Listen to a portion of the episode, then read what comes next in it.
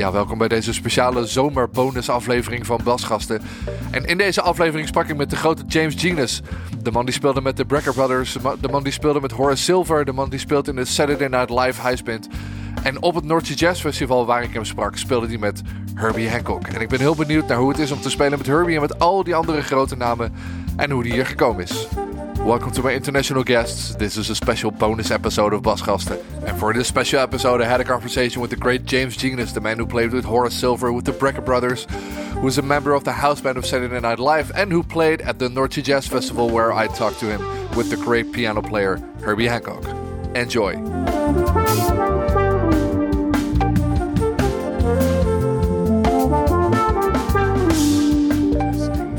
Two. That check. works. Yeah. Awesome.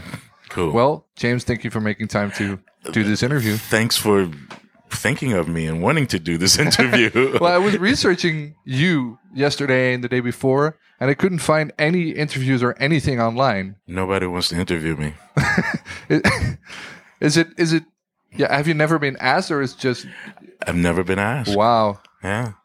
How come? You. That's why I said thank you for My reaching pleasure. out and asking Yeah. me. I mean, I could go to every magazine and every people and say interview me, but I feel like if they want to do that, then they will. And so here we are. so we're at the New York Jazz, uh, the New York Jazz, the North Sea Jazz Festival in Rotterdam, and I saw you play with Herbie yesterday. yes. How was that show? incredible. It's always incredible to to share the stage with him, to interact with him musically, spiritually, uh, on and off the stage. It's a dream, you know? Yeah. Yeah. And that venue was something else. It was like Man, it was I packed, right? I was there 30 minutes before It was like a was- fire hazard, it right? was full. Yeah, yeah, yeah, totally. Yeah, if panic broke out, it would be lives would be lost. no, but it was, it's, I mean, this whole tour, you know, of course, with everyone, you know, with the pandemic, I feel like this is the first time that people are like out and you feel like it's somewhat better or, or great or reasonable or whatever, like safe and people are doing it. And, um, but, you know, it's, it's been a joy to be able to, to come out and play with him and to come here and play at this festival. Cause I mean, I think the first time I came here was like maybe 88, 89, Wow. 90, maybe. That was, When I was that's the year I when I was, was- born. when I was, yes, 21, 22, something like that. Yeah. yeah. So and you started pretty early on bass, right? Yeah. You were pretty young. Yeah. How did that came to be? Um, um, I don't know, just something that I gravitated towards.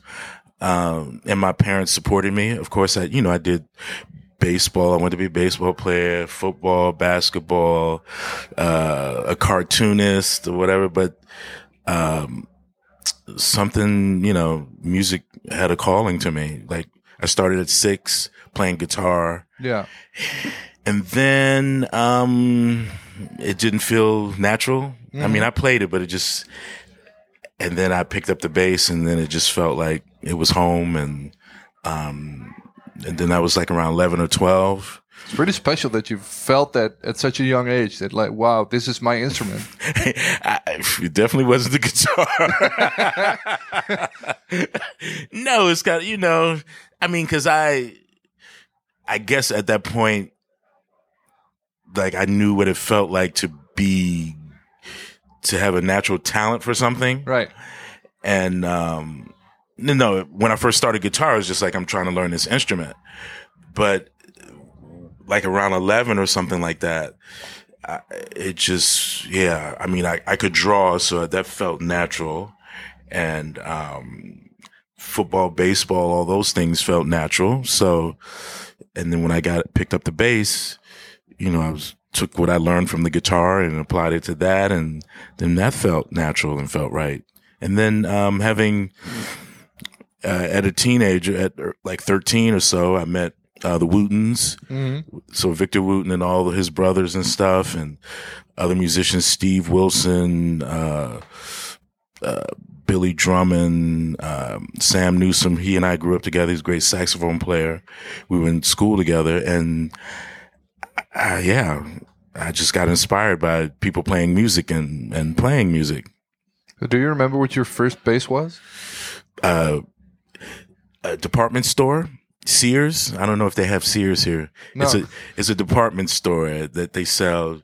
It's like, do you have J.C. Penney's? No. Yeah, we have something similar. Yeah, so yeah, yeah. Sears is like J.C. Penney's. practically everything. Yeah. Right. And you go to the department that sells uh, stereos and they might have like a guitar and a Right. bass up there. And that was like my first bass. Yeah. Like a cheap. Yeah. And then you studied with Ellis Marsalis, who is like a huge name in, in jazz music. Yeah. When I, uh, after, uh, I graduated from high school. I went to uh, this school in Richmond, Virginia, called Virginia Commonwealth University, and that's when I first uh, started uh, playing upright acoustic bass. Because to get in, you know, to get a diploma in the university, you had to play that. Right. So they didn't give diplomas for people playing electric bass.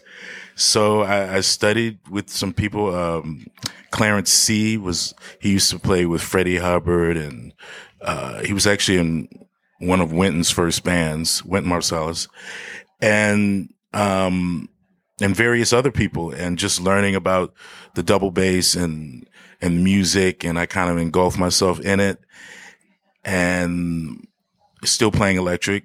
But my last year, Ellis Marsalis came as like a um, teacher in residence, artist in residence kind of thing.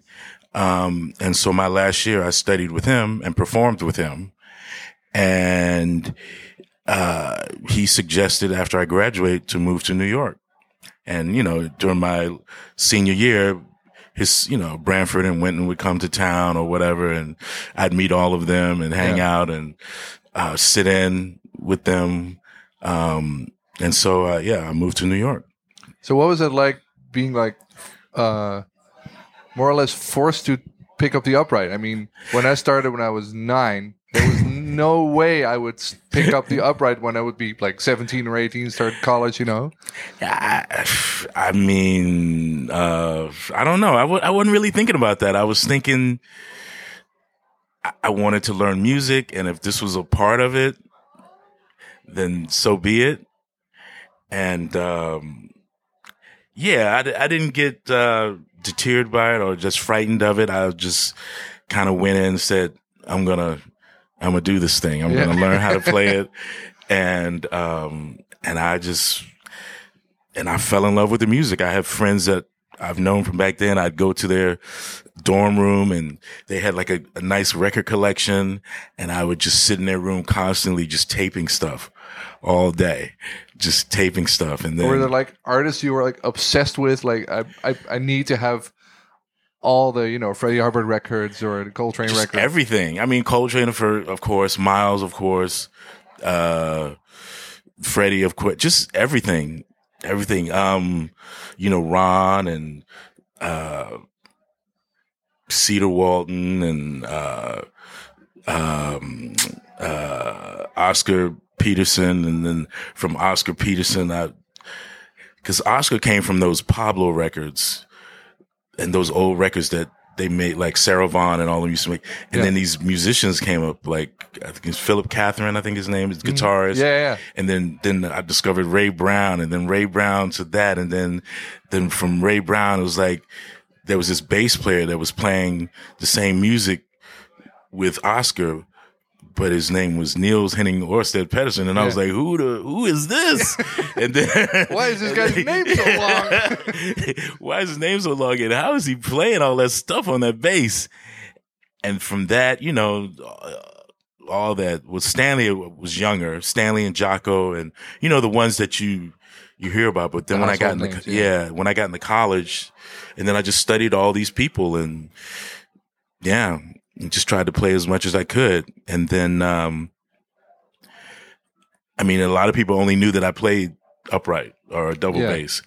And then I moved to New York and I was still like the jazz guy playing that. And then, but also on the other side of town, I was playing with these like, you know, uh, bands and bars on uh, Bleecker Street and playing those gigs. And, uh, kind of getting into that scene. So I was kind of living like a double life of playing with these guys over Yeah. here and playing, and nobody knew. And you know, because especially back then, straight ahead was like you play straight ahead, you wear the suit, the Yeah. tie, you know, Always, yeah. and and then um, I, I kind of got in that scene. Um, I used to play with uh, Roy Haynes. I played with him for like a year or so, and Dave Kikoski was the piano player, um, who was also playing with Randy Brecker. hmm And so I did a session, a recording session, and Randy was on the session, and I was playing electric.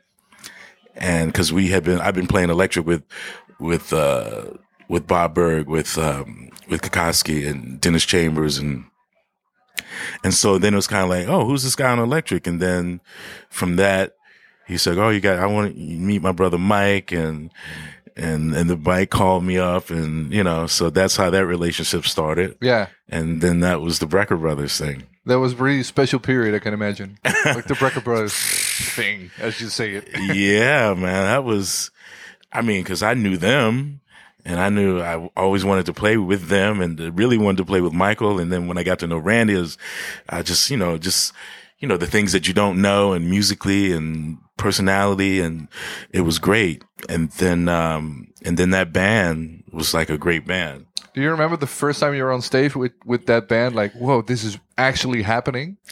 Um, the the moment that I said it was actually happening was when we recorded the first record Right. because I was on the road in Europe and I had conversations with Michael and he said, "Well, we'll get together and we'll play and we'll kind of figure it out." And but I think you know. I've talked to a lot of people about you and I've heard, you know, I got heard recordings of you and blah, blah, blah, blah, blah. And, um, and also that at one point, um, you know, people trying to get uh, Michael and I to meet each other before this even happened, and um, so they were doing pre-production for the record. And I would go come into the studio and I'd be like, "Oh my god, I'm in the studio with Mike and Randy, and they're working on this Return of the Brecker Brothers thing." And oh my god! And I used to go like every day. I'd come into the studio just to say hi, or whatever. So one day they said, "Oh, you should come by again." I think you know uh, Dennis is in town, so he's going to be there, and George Whitty, you know, because he's producing it or working with us, and um, yeah, and then we were in the studio just kind of talking, and then all of a sudden he was like, "Okay, I think we should play this tune," Okay. and that was this tune above and below. I think it's the first tune on the video and stuff like that, and that's when that was the the moment where I'm like, "This is happening." and you had a bass with you coincidentally, or Yeah, you, you know, you you bring stuff, yeah.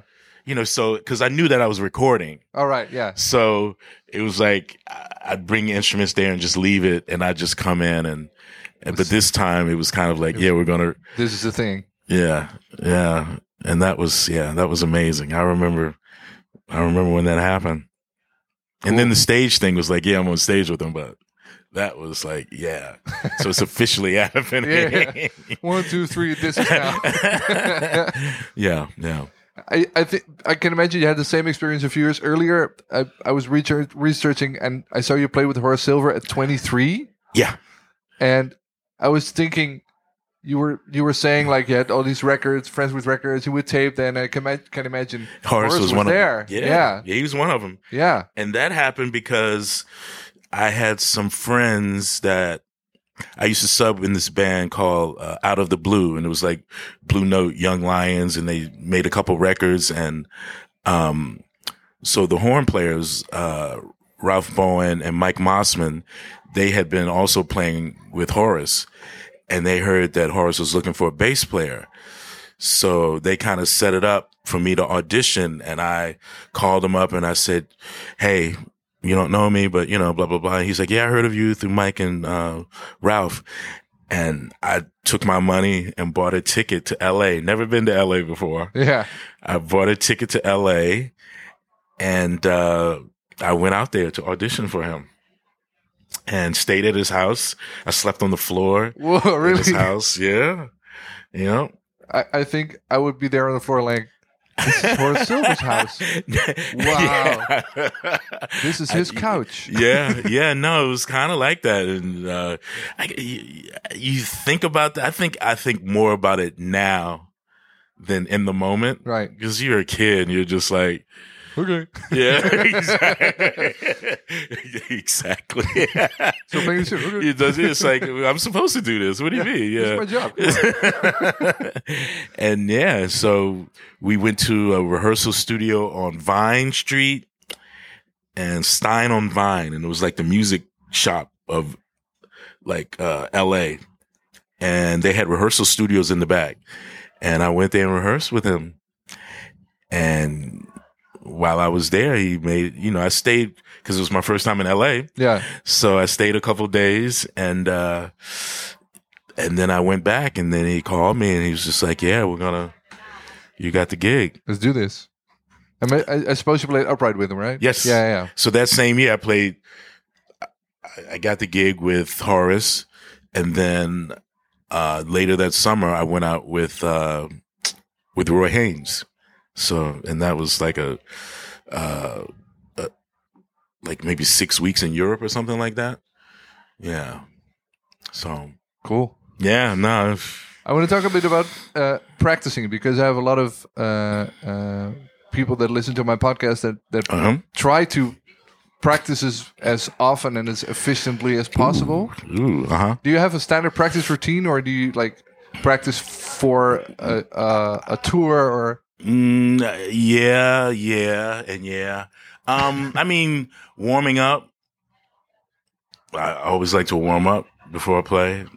Whatever, you know, you work out in your, you know, daily practice routines. Um, a lot of times, like now, it's I, I practice the music that I'm learning. Yeah, um nothing set if something catches my ear or something then i might practice that but it's i, I hate to say i don't really have like a routine like that every No. day. It, it depends in the moment a lot of my rehearsal time now or practice time now is listening and i feel like a lot of people don't listen enough so and, then, and do you then listen to what, what other bass players do, or just musicians listen to in music, general? musicians in general, listening Yeah. to music and and um and a their approach is you know could almost be like a, a form of like transcribing because you're engulfing yourself in the music and and learning what the approach is and and how how to play in trios, how to play, how to support, how to be a supportive bass player, but also how to, you know, when it's time for you to do your thing, you do your thing within the context of what is there Right. how to su- how to support uh, a singer if you're you know performing with a singer to be you know in a trio situation in a uh, a pop situation funk situation you know just all kinds of music. And because I mean growing up I was constantly transcribing playing playing with records doing all that was that was my practice. And then try to take that into situations uh, with other musicians and see how that applies within you know what you listen to and learned and which you know because same thing with you know learning music or whatever it's you know you can learn it to a certain point and you could have it down great and then you leave that alone and then you're in the middle of playing with the people Yeah. without the the crutch of the music Yeah, yeah, yeah. and that's you know that's a lesson in itself too. So then, when you're like absorbing that information of, of musicians or, or records or whatever, are you actively analyzing it or ju- just trying to feel what is happening? um probably a little bit of both. Uh if the i guess if there's something that really catches my ear then i'll sit down and and figure out like what it is. But um just kind of listening and um because i mean I, I feel like it's the same thing like when you're performing live you're, you're supposed to be listening Yeah, of course, so especially in improvised music. exactly. So th- they were having a moment with it. So it's kind of like you're on the outside listening and looking in on their moment, you know, talking to each other, you know, vibing with each other and, you know, where the music takes them. And then you, you know, you can learn from that. and take what you learn from that and just try to apply it to, you know, yourself as a, uh, you know, musician, bass player, whatever. Yeah. So and uh, applying it to the the concerts you're here now for, Yeah. Herbie. How much of that is? Uh, I- mean, you play uh, uh, uh, certain like compositions and, Yeah. and whatnot, but how much of that is actually fixed? Is there? It's like yeah, we play Certain things. I mean, it's kind of Terrence like plays a solo, etc. Yeah, like the the order of the solos the same. Uh the you know point A to point B can be the same, Mhm. but what's within it is never the same. I mean, it's kind of like I guess with any improvised music, like you have the head and then you improvise and Yeah. then and with us it's like you know there's certain cues that are played that you go back into certain things yeah, but that open part is open. And then when like really open. yeah, yeah, and then when the cue happens, then you you shift gears or you turn right, turn Yeah. left or or whatever. So um I mean and this I mean it's different every time. I mean, you know, they're the things that people can grasp onto like, oh yeah, that's that or whatever. Yeah. That's oh wow, we recognize this melody. Yeah, you know? yeah, exactly. But other than that, it's you know, it's different. And he, you know, he he likes for us to go for it because that inspires him to go for it. And um, you know, and and, and of course. He's the master of that, and we've we've listened to thousands. invented it, you know? He invented it exactly. It's like somebody made a, a statement the other day. They were like, you know, you're always trying to figure out what the new Herbie is. So people are trying to, you know, analyze and, um, uh, you know, transcribe and blah, blah, blah, blah, blah.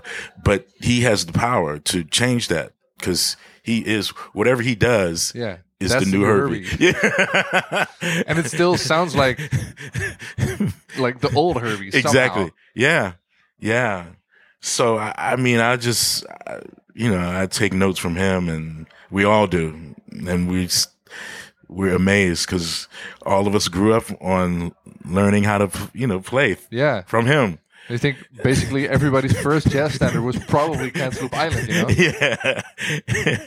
yeah. So it's, um, it's, it's great. And yeah. And he, you know, it's, it's not, he's not, he very rarely says, you know, give direction or something like Mhm. that. It's kind of, I guess you're in this, you're in this place and in this position to be here because I feel like I don't need to hold your hand right? and tell you what to do. He, he, like trusts you to do Yeah.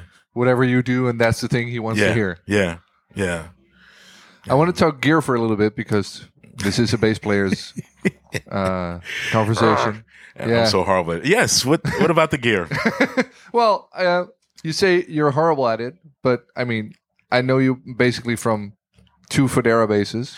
yeah, I have more. I mean, th- I, I Yeah. know of at least two. no, there's two that I've I've played Yeah. throughout the years, but I, and then I was just having a conversation with uh, Fima, um, that's playing with uh, Nate Smith, um, and he was showing me this new bass that he, he had gotten, and and he was like, "Oh yeah, I know." He he was saying the same thing. I was like, "Yeah, I know this one and I know the other one," and and it basically it, it came from the one that I play now came from the fact that the original one that I used to play all the time couldn't make a flight back to New York because I was doing SNL. Uh huh. So the Fodera people sent me like this bass that was in the shop. Because of course. and and that was the single cutaway and I never played a single cutaway before and then eh, I didn't, I wasn't in love with it but then I kind of fell in love with it by tweaking it and doing different things with it. And then it it isn't the original one that you know I don't want to get lost somewhere. And so I just leave the original one at home. Right. and then I had the one that I was touring with, and then somehow that this red one that I was playing became the one, and then, but now I think I might change again, and then that'll be because I kind of like I, I stick with I pretty much stick with one like when I tour and play because um, you know, because I'm kind of, I guess, shaping it and molding it into what I need, Mm-hmm. and um, and that's how it's been. But I still, I, I do still miss like the original one, but you know, I, I'll I'll take my chances. Have you ever had any issues with it? I mean, I had a an active bass fail on me once because the battery compartment was broken, so Oh. it like fell dead. No, I, I, I did. I was in the studio the other day and it wasn't working at all. And I just changed the batteries and I was like, what? I just changed the battery. And I'm thinking, oh God. I was thinking that. so relatable. Yeah. it was new battery. Please work. and I know it's like, come on, help me. And and the guy, the tech, took the battery out and you know did the test. And he's like, it's dead. And I was like, oh. So we put new batteries in. It worked. So, um, but those two, you know, Fodera bases. Uh, that one has like uh, humbucking and single coil, so you can flip, you know, flip Yeah. both. And then uh, the original one was just uh, single coil, and That's a double cut bass, right? Yeah. Yeah. And uh, and my signature model that I have is is both, so I can switch through both of them. And my, you know, my ideal with that was like, can you make it sound like a combination of that bass and that bass? Yeah. And so this one that's my signature one is supposed to be the two of them. I haven't tested it yet. So, Oh, cause I've tested it at home, but I haven't taken it out on the road with me yet. And, um, but yeah, that has become, and they make the strings, uh, Fodera does. So I use Yeah. their strings. Um, if we're doing, uh, gear stuff, I still, I endorse Hartkes. So I have the, the 410, uh, the black ones, the, that, those cabinets. Yeah. Um, and I've been using the, um, the two new heads. I don't know what they are, but I've been using them as, um, as power amps. And I'm still using the Walter Woods because there's Right. no true stereo bass amp that I Trying know to- of. I'm trying to think of one. Yeah, you have you have like the profiling amps, the Kemper and the Line Six Helix, but which I want to get into, but there's not one where you can two inputs, yeah, yeah. two separate channels, two separate EQs. And then you send them to two separate cabinets. Yeah, you can do it in stereo, Yeah, or yeah. you can or you can do them in series, and um, yeah, but what's the thought behind like the two different EQs and then so it's the two the different. end, you want the high end on one cabinet Well- and the low end on the other? Well, because I I mean, it's, I started out doing it from playing straight ahead gigs because Walter Woods was like the amp for you know Yeah. for the acoustic bass for straight. Yeah. And then uh, Walter made this amp that had all this power, but it was two separate channels. So then it came, then it came into the thing of where, you know, I I, I was doing lots of gigs that one was acoustic and one was electric. Right. And so you can't put them both through the same channel No. because they're different EQs, Yeah, yeah, yeah, totally. volume, all kinds of stuff like that. So it came like one channel would be like the upright and one channel would be the electric. Ah, right. And then you could, you could pan it in stereo or you could do it in series.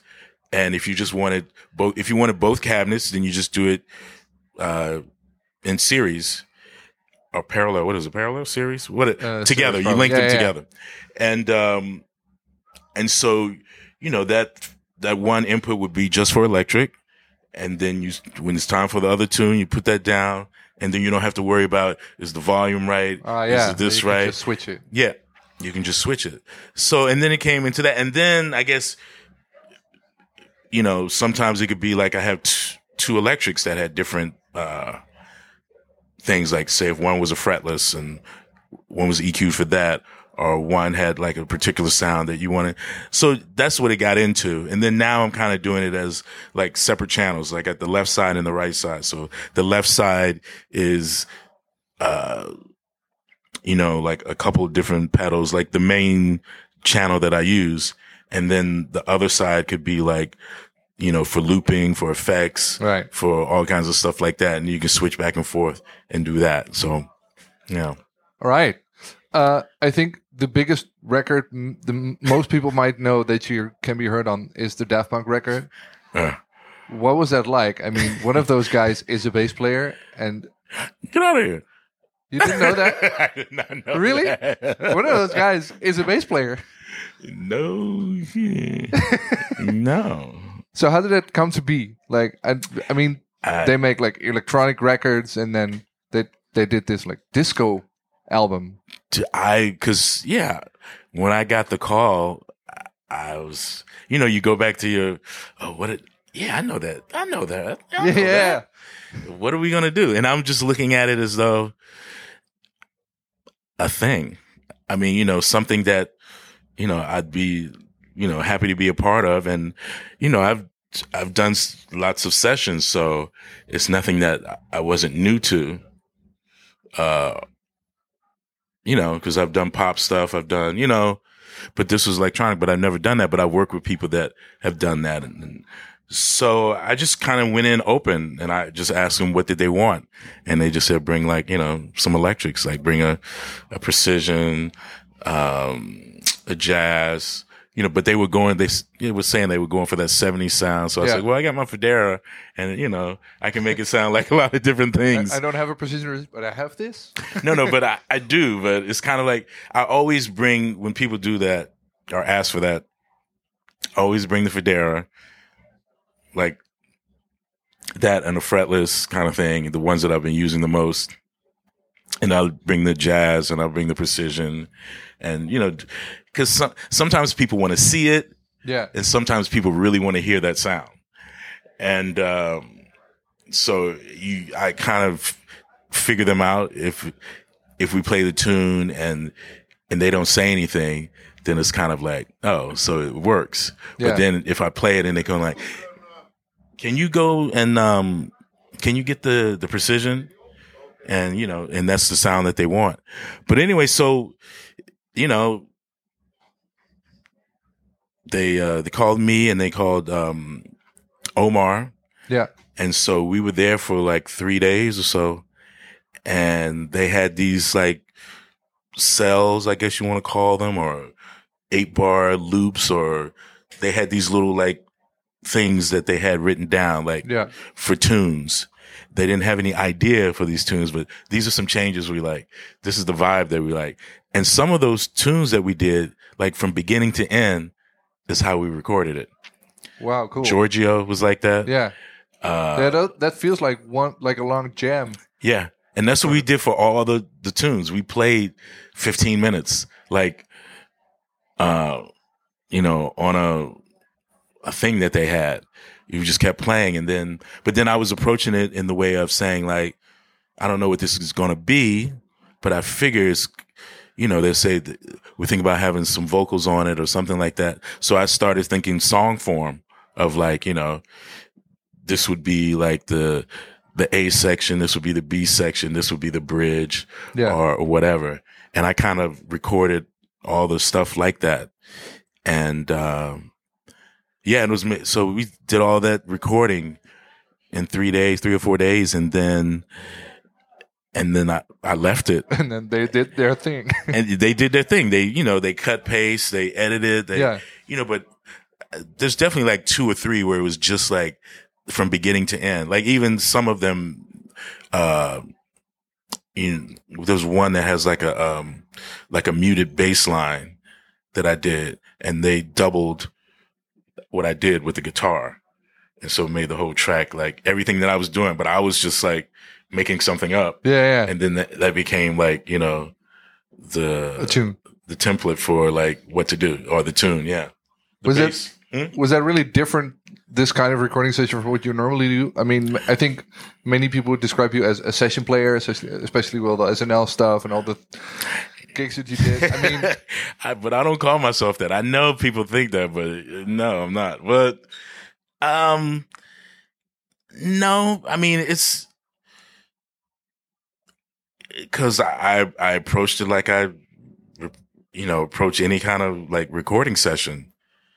Um, you know, I get, I, I get the parameters in which, or they give me the parameters in which they want me to work. either they leave it open or they say specifically like this is this and this is this or this is the track with the vocals on it and blah blah blah blah blah or this is a tune and we're just playing a tune Yeah. and you know because even from dave douglas to you know any other like you know free improv kind of thing or whatever i've done you know t- nothing is written down it's just like No. you, i'm improvising and i'm Yeah, playing yeah. so that's what i was doing on the daft punk thing i was improvising and playing So- It was basically just a jazz gig. kind of to me, but I mean, a jazz gig with kind of like pop sensibility and form sensibility, and you know, it was music, and I was playing bass, and that's I kind of like when I teach and give lessons, and, and people ask me questions, it's kind of like, I mean, I just try to stress about you know playing bass. And you know there's room for all that other stuff which i love and i do and all that but sometimes you're just asked to play bass. And sometimes you have to think about that. And then you you have to think about like what with me playing bass how do i improve the music Yeah. and this is on and off this you know on the stage in the studio you know how what is my am i adding to the contribution in, of, of this music and making everyone feel good the musicians Yeah. and the people out there And whether that's a 30 second tune in SNL or a 12 minute version of actual proof, it's basically the same thing. It's just improving Yeah. the music. Yeah, I mean, but I was. It's funny because it took. I got asked to do SNL, and I was, you know, I was playing with Michael Brecker. I'm playing with, you know, all these different artists, like well-known, prestige, like jazz artists, and uh I was like, oh, Really? because then, but, but then also when you television people are looked at as studio musicians, and I'm not that. no. And and I used to look at it like that because it's kind of like, oh, they, you know. But then I, I felt like when Branford did the Tonight Show, he made it hip Yeah. to be on TV playing yeah. music, you know, because those were guys that I looked like all those guys I played with and I looked up to, and you know, you kind of like, you know, uh, modeled yourself to be like, you know, on that scene or play music on their level, and and um, yeah, and so, and then when I got the the gig, I also saw that I could still I wouldn't lose myself in that world because my summers are off.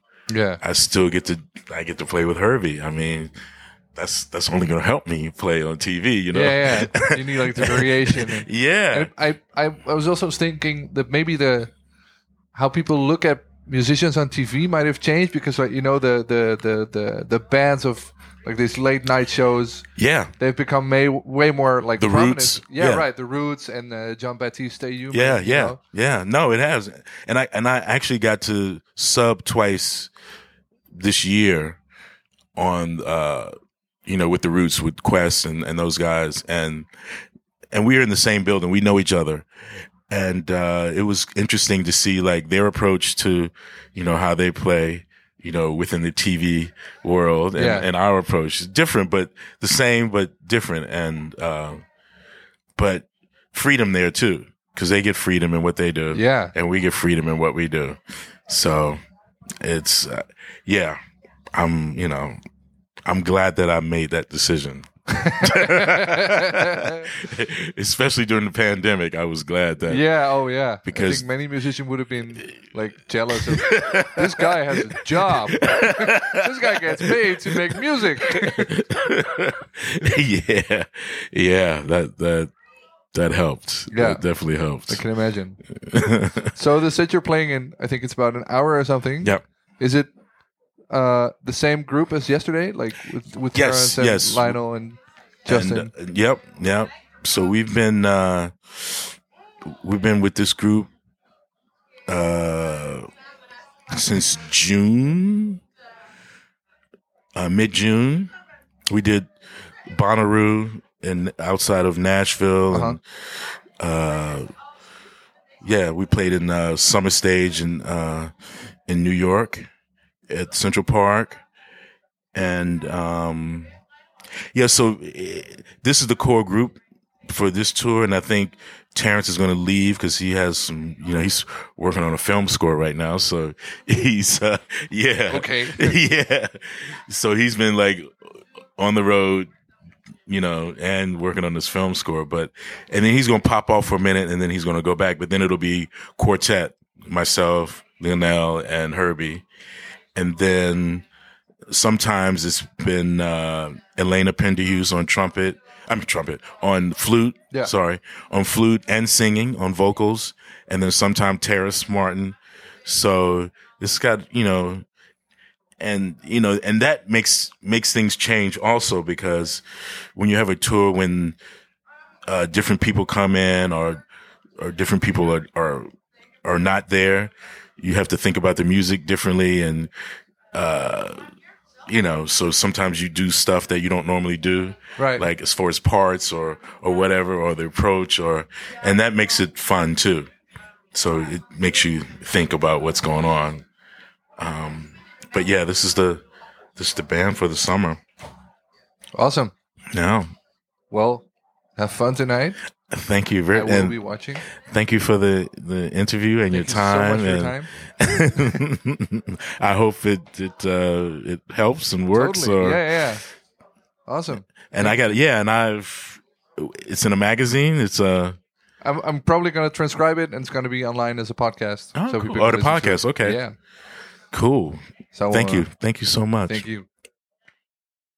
Je luisterde naar de speciale zomerbonusaflevering van Basgasten met de grote James Genius. Basgasten wordt gemaakt door mij, Hidde Roorda. Muziek is van Tyranny Vlak. Vergeet je niet te abonneren voor het nieuwe seizoen. Check de playlist op Spotify en laat een review achter op Apple Podcasts. You were listening to this special summer bonus episode of Basgasten. Basgasten is made by me, Hidde Roorda. Music is by Tyranny Vlak. Don't forget to subscribe for the new season. Check the playlist on Spotify and leave a review on Apple Podcasts.